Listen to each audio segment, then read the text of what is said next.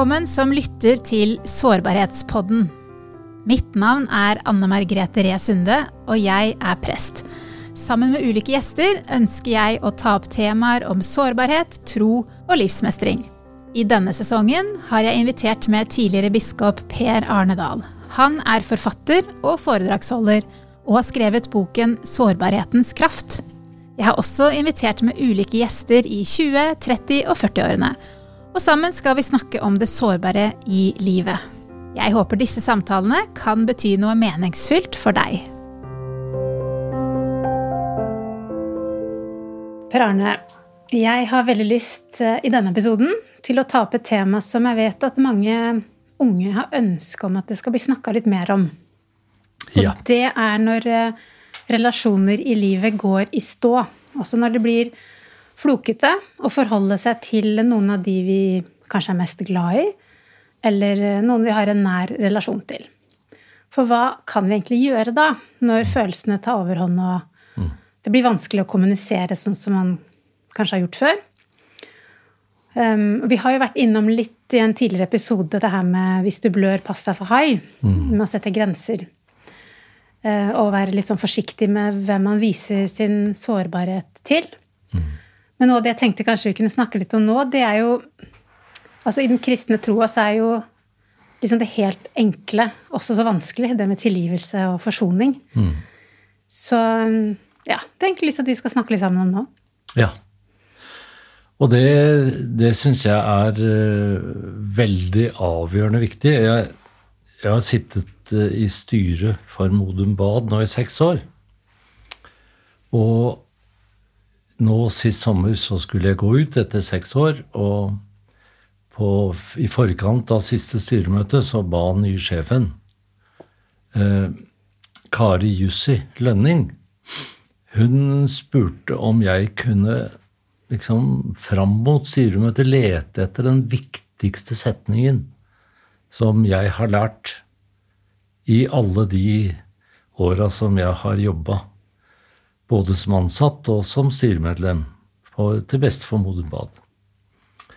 Og da ble det en setning som dukka opp tre-fire ganger, som jeg ble veldig fascinert av. Og det er følgende setning. Å si det som det er, er veien til befrielse. Mm. Og den setningen der, den, den syns jeg var veldig besnærende, veldig sann. Jeg hadde veldig sans for den.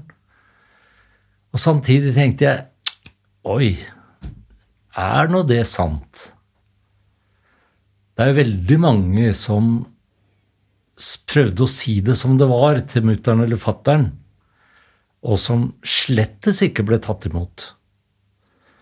Det er mange som lever i parrelasjoner som prøvde å si det som det var til svigermor, og slettes ikke ble hørt.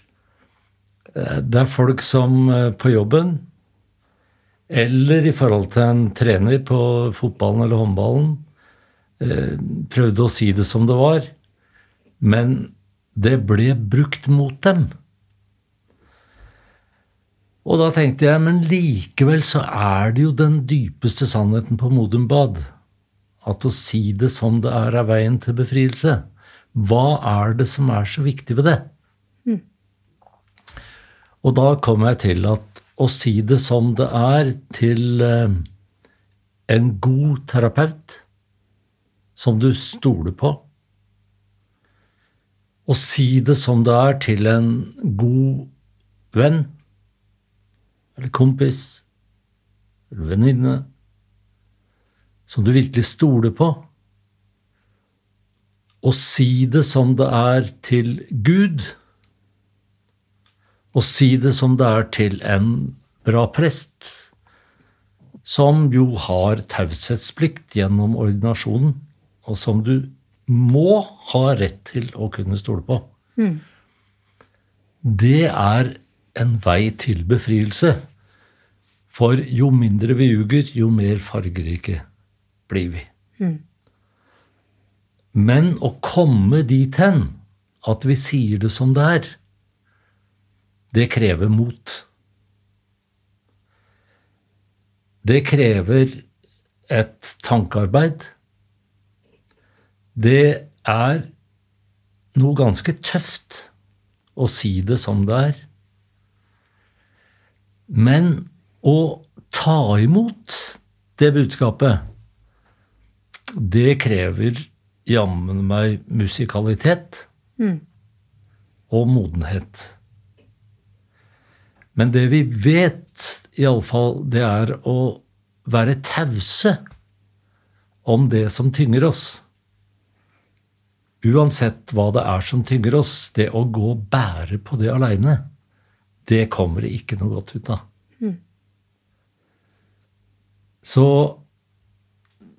jeg er veldig fascinert av spørsmålet Når vi vet at å si det som det er, er veien til befrielse, hvorfor er det det vi strever så med? Mm. Hvorfor er det det vi utsetter? Uke etter uke, måned etter måned. Mm. Jeg snakka med venninner, som har gått og båret på noe som skjedde for tre-fire år siden. Jeg har snakka med naboer hvor det ble en skikkelig feide etter at et par bjerketrær ble høgd uten at det var spurt om tillatelse, men som istedenfor å snakke om det, har gått og skult på hverandre og ikke hatt kontakt.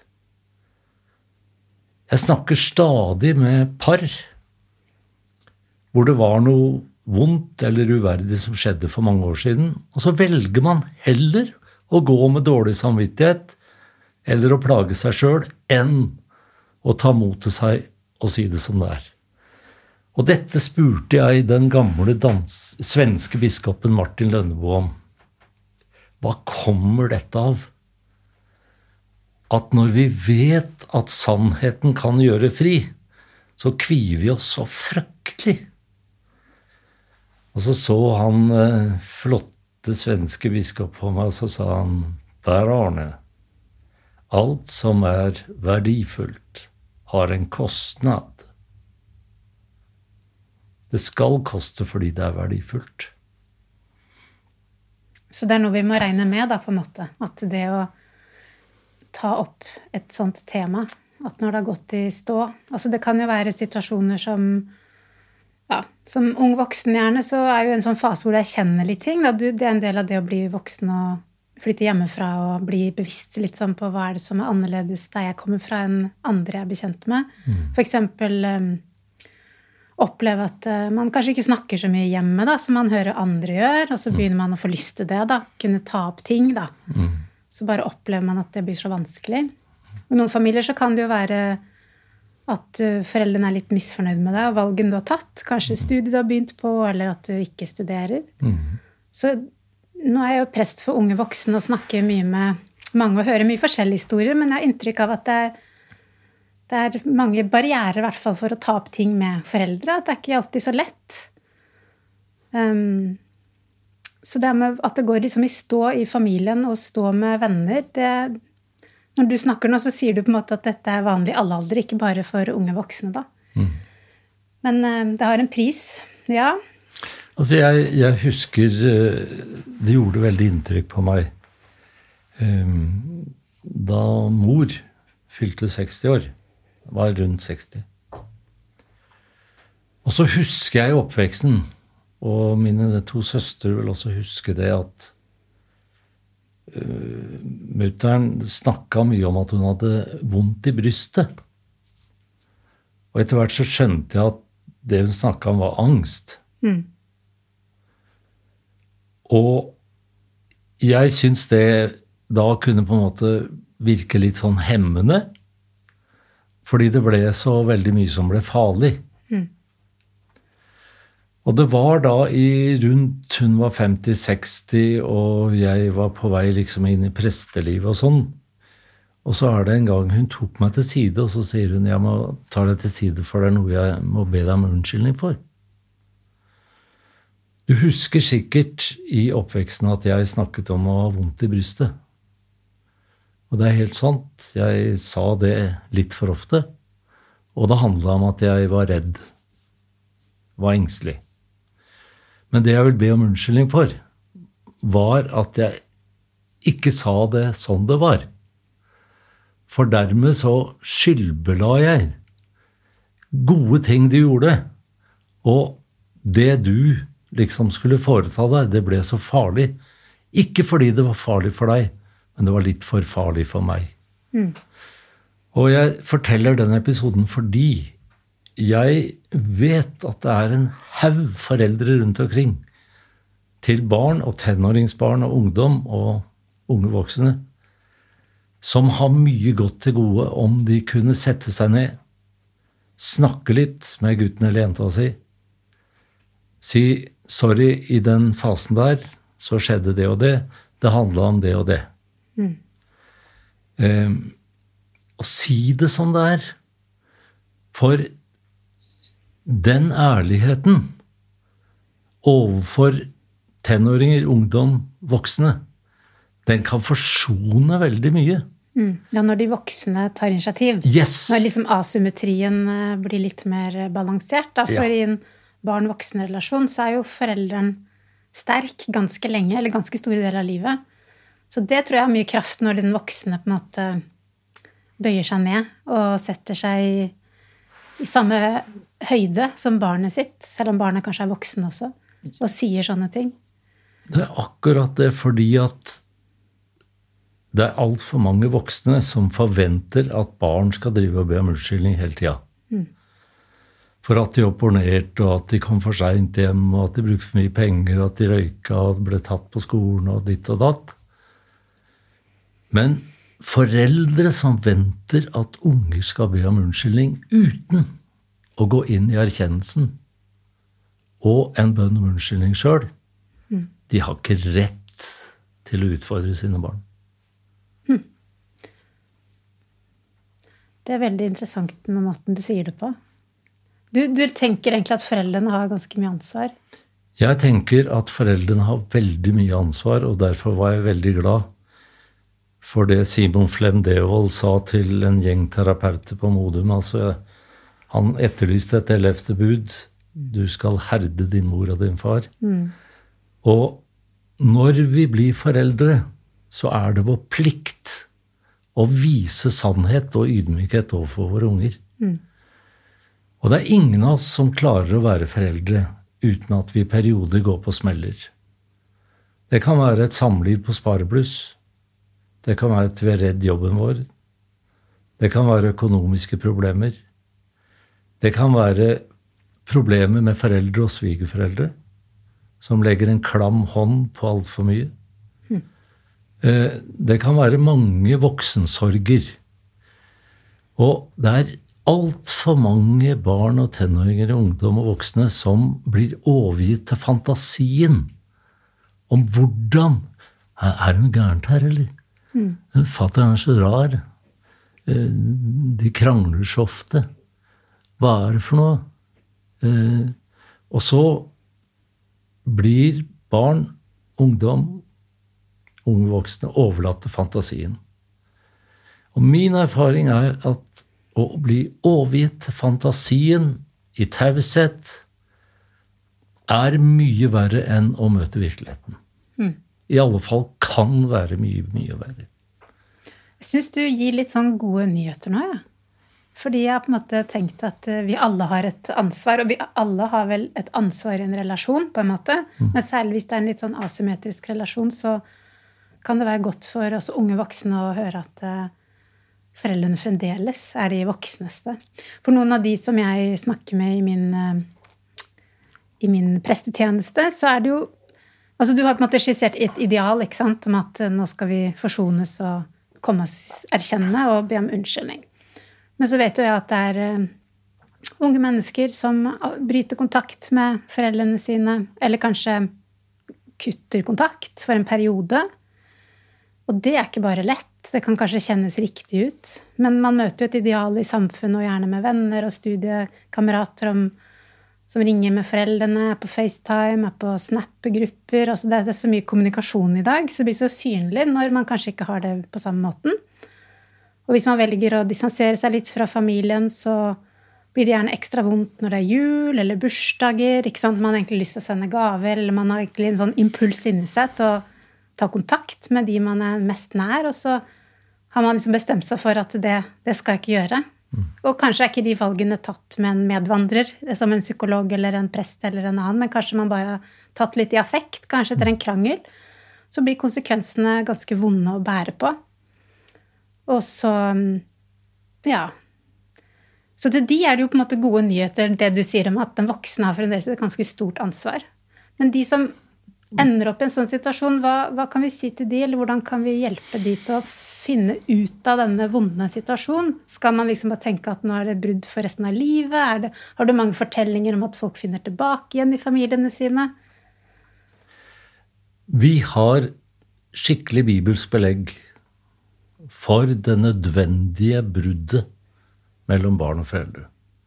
Det står i skapelsesberetningen at at, uh, at uh, du skal forlate din far og din mor, og de to skal bli ett.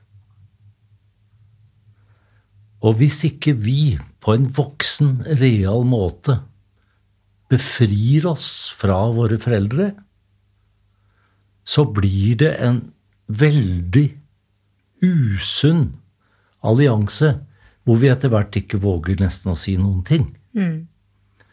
Jeg tror på litt mer tøff tone og øm kjærlighet mm. mellom barn og foreldre. Jeg tror veldig på at vi foreldre på si, vi er betalt for å tåle en støyt av våre barn. Mm.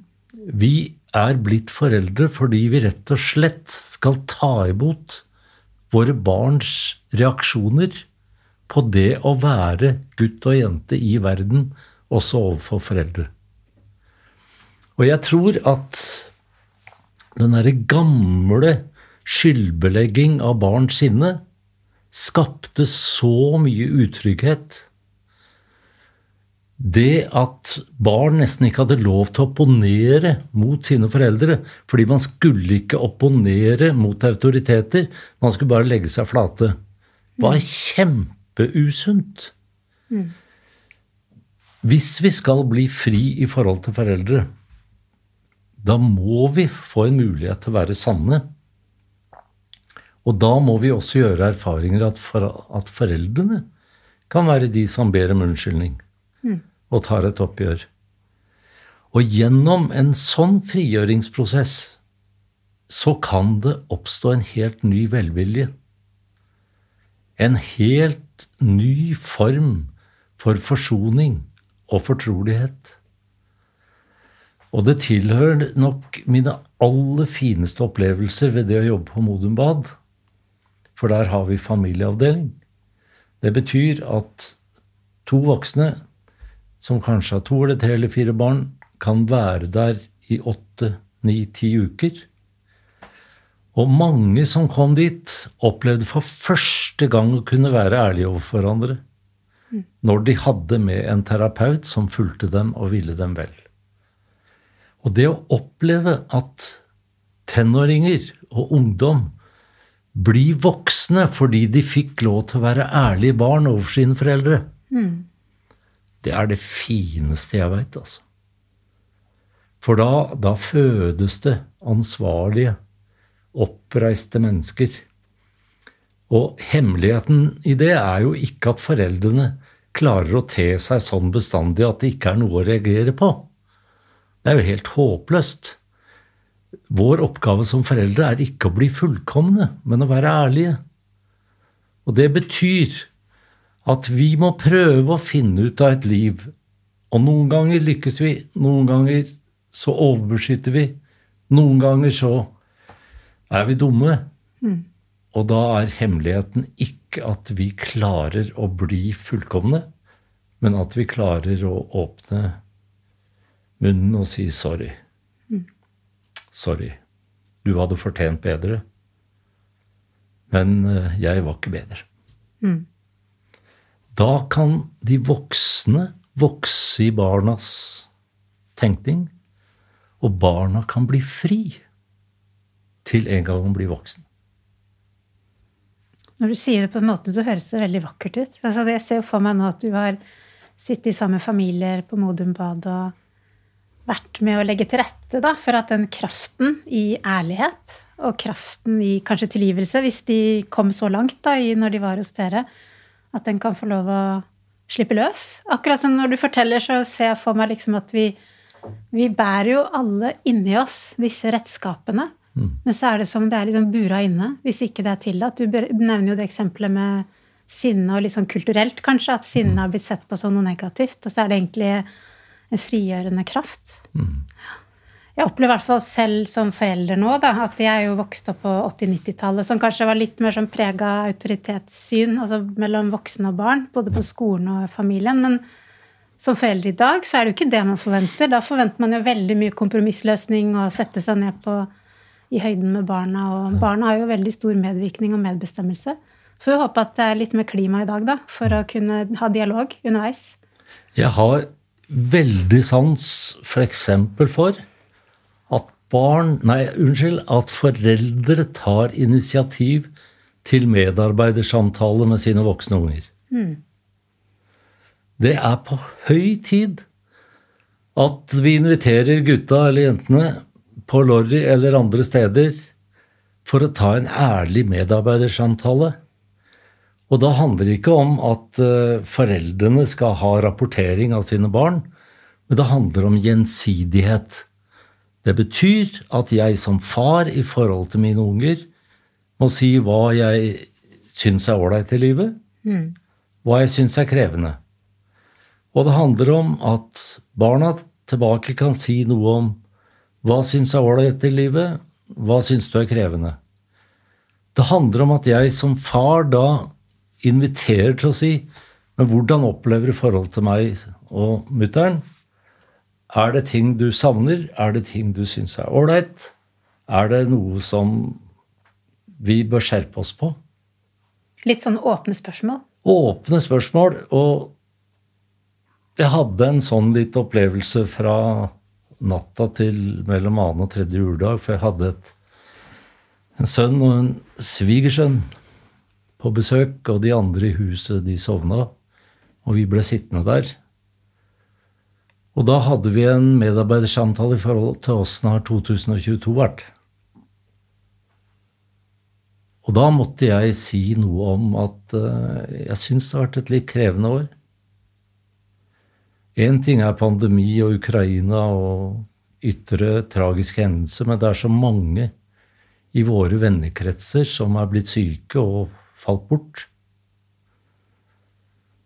Og jeg er plutselig blitt 72 år og følte at jeg var ung og lovende til jeg var 70, og nå plutselig så drufser det innpå. og da måtte jeg si til gutta at uh, det var akkurat som i 2022 så pusta forgjengeligheten meg i nakken. Plutselig så ble forholdet mellom død og liv Plutselig så begynte jeg å gå i sykebesøk til bestekompiser. Og så merka nok dere at jeg kanskje ringte litt mer. Kanskje litt for mye. Kanskje fordi jeg var litt ensom. Fordi noe som var likeverdig kompisforhold før, plutselig var blitt preget av sykdom og forgjengelighet. Tre av våre naboer er blitt alvorlig syke. Og så fikk vi en innmari fin samtale hvor de responderte på samme frekvens. Og hvor jeg kjente meg friere, altså. Mm. Og det er det som er mitt ønske for forholdet mellom foreldre og barn, voksne barn, at foreldrene kan bli fri til å være trygge på dem, og at barna kan bli frie til å bli sin egen autoritet. For når du forteller noe, så høres det ut som du også var sårbar da, overfor din, dine barn og svigerbarn, og at du også viste dine behov. At det er lov å være voksenforelder og vise behovene sine og be om eh, støtte. På en sunn måte, da. Autoritet uten sårbarhet det blir en brutal måte å være autoritet på. Eh, men sårbarhet uten autoritet kan bli ganske pinglete og uttrykt, det òg. Ja, for det er jo ikke så bra, det heller. Nei. Nei. Men jeg tror veldig på at vi kan øve oss på å stå oppreist. Vedkjenne oss vår styrke som voksne barn, som foreldre, men også å vedkjenne oss vår sårbarhet. Fordi det er en I den europeiske kultur, tilbake til fascismen og nazismen, så er det en forakt for sårbarheten. Mens det går ikke an å være menneske uten å ha styrke, og det går ikke an å være menneske uten å være sårbar, men det går an å leve hele livet og benekte det. Mm. Og det er derfor jeg har så sans for at den som kaster maska, mister ikke ansikt, men viser ansikt. Tusen takk for at du deler så mange kloke og vise ord, Per Arne. Jeg håper mange voksne og barn kan høre dette. Kanskje de kan høre det sammen også. Å starte med medarbeidersamtaler. Det syns jeg var veldig godt. Det er det beste tipset, faktisk. Men sånn positivt eh, sett, da, en medarbeidersamtale på jobb kan jo høres litt sånn skummel ut, men eh, egentlig så er det jo den ansattes frihet til å fortelle sjefen åssen man har det. Lovpålagt. Så kan vi ha det sånn eh, i familien òg, så kan det jo bli veldig fint. Da kan det begynne å ligne på et liv. Mm. Rett og slett. Tusen takk, Per Arne. Takk for at du lyttet til denne samtalen. Jeg håper du fikk noe ut av den. Ta gjerne kontakt om du har spørsmål. Du kan finne oss på Instagram ved å søke opp Sårbarhetspodden. Denne episoden er spilt inn, redigert og sponset av Spoon Studio G17. Og podkasten er finansiert av Stavanger bispedømmeråd.